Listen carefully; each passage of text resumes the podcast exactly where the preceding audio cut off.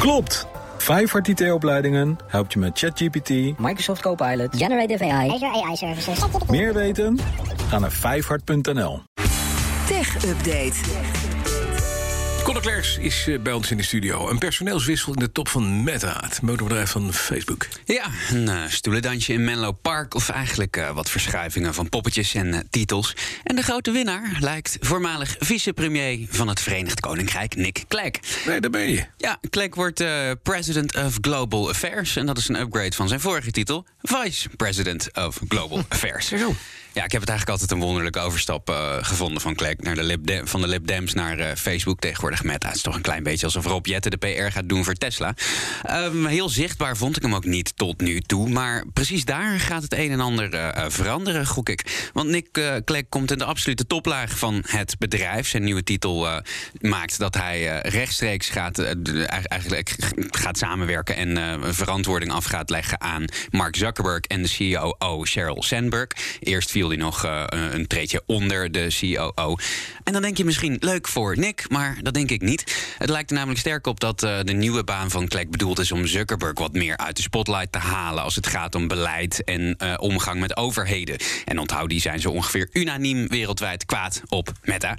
Um, en, en voortaan wordt Nick Clegg voor hen het eerste aanspreekpunt. En volgens Meta zou dat meer ruimte moeten maken voor Zuckerberg om zich in, op de toekomst van het bedrijf te richten. Maar volgens mij heeft hij gewoon geen zin om elk jaar weer op het uh, matje geroepen te worden door het Amerikaanse congres of de Europese Commissie. Maar uh, we gaan het zien hoe Klek het doet. Dat is leuk. We kunnen hem ook bellen, want hij spreekt Nederlands. Dus dat ja, is handig. Dat is waar, ja. ja, dat is mooi.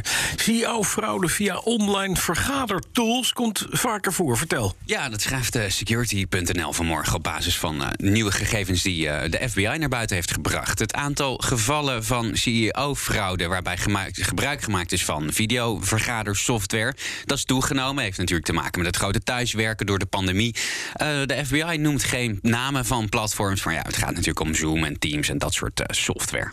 Ja, de, de, de, hoe gaan die te werk dan, die, die boeven, dat boeventuig? Nou, ze hebben meerdere manieren. En de eerste en belangrijkste die gaat ongeveer zo. Uh, ze breken eerst in in de mailbox van ja. de grote baas of van de CFO van een uh -huh. bedrijf. En dan kunnen ze dus mailen uit naam van de directeur. En uh, dan sturen ze dus een link voor een uitnodiging voor een videovergadering. En die mail die komt dan ook echt uh, van het adres van uh, Natuurlijk, de baas. Ja, dat dus komt allemaal keurig netjes. is het heel ja. geloofwaardig. En dan wordt het wat creatiever. Want dan ga je natuurlijk videovergaderen. En dan zou ik denken, ik, geef, uh, uh, ik, ik, stop een paar honderd uur en uh, weet ik veel hoeveel geld in een geloofwaardige deepfake. Dat hoeft helemaal niet. Je maakt gewoon een foto. Je pakt gewoon een foto van de directeur en die hou je dan voor de webcam. En dan zet je de, de microfoon uit. En dan zeg je meteen, de audio werkt niet en de video werkt niet. Dus ik ga je mailen. Dan sturen ze een mailtje. Uh, dit is de opdracht. Je moet geld overmaken naar deze rekening. Is heel dringend.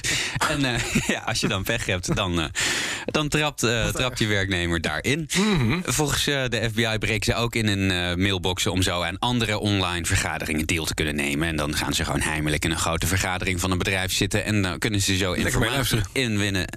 Ja. De FBI geeft ook nog tips. En de belangrijkste die haal ik nog maar even. Ik kan het namelijk niet vaak genoeg zeggen. Zet twee factor authenticatie aan. Iedereen, elk bedrijf, alle MKB'ers. Twee-factor authenticatie. Dan.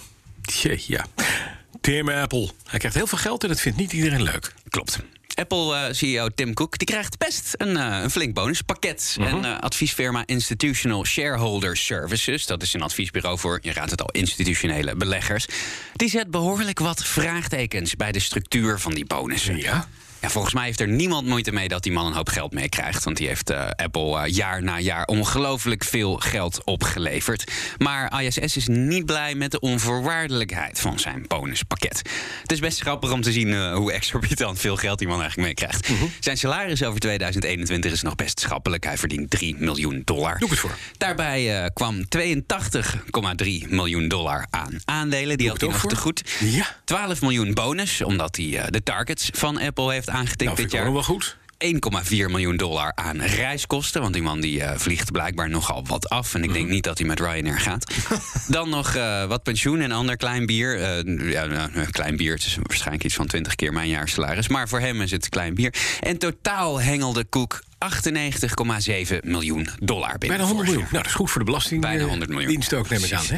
Volgens ISS is dat wat gortig. En wat ze vooral steekt is ongeveer de helft van het geld had hij hoe dan ook gekregen. En was niet aan prestaties gelinkt. Dus zelfs al was hij halverwege het jaar met pensioen gegaan... had hij eh, de helft van die 100 miljoen in zijn zak mogen steken.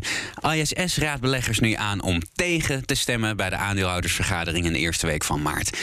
Al zou het me eigenlijk helemaal niet verbazen als die aandeelhouders naar een portefeuille kijken, zien dat een aandeel Apple sinds januari 2020 meer dan verdubbeld is in waarde en zeggen: Veel plezier met je 100 miljoen, Tim. Bedankt voor de koffie en graag tot volgend jaar. Dankjewel. Eh, graag tot eh, over een paar uur.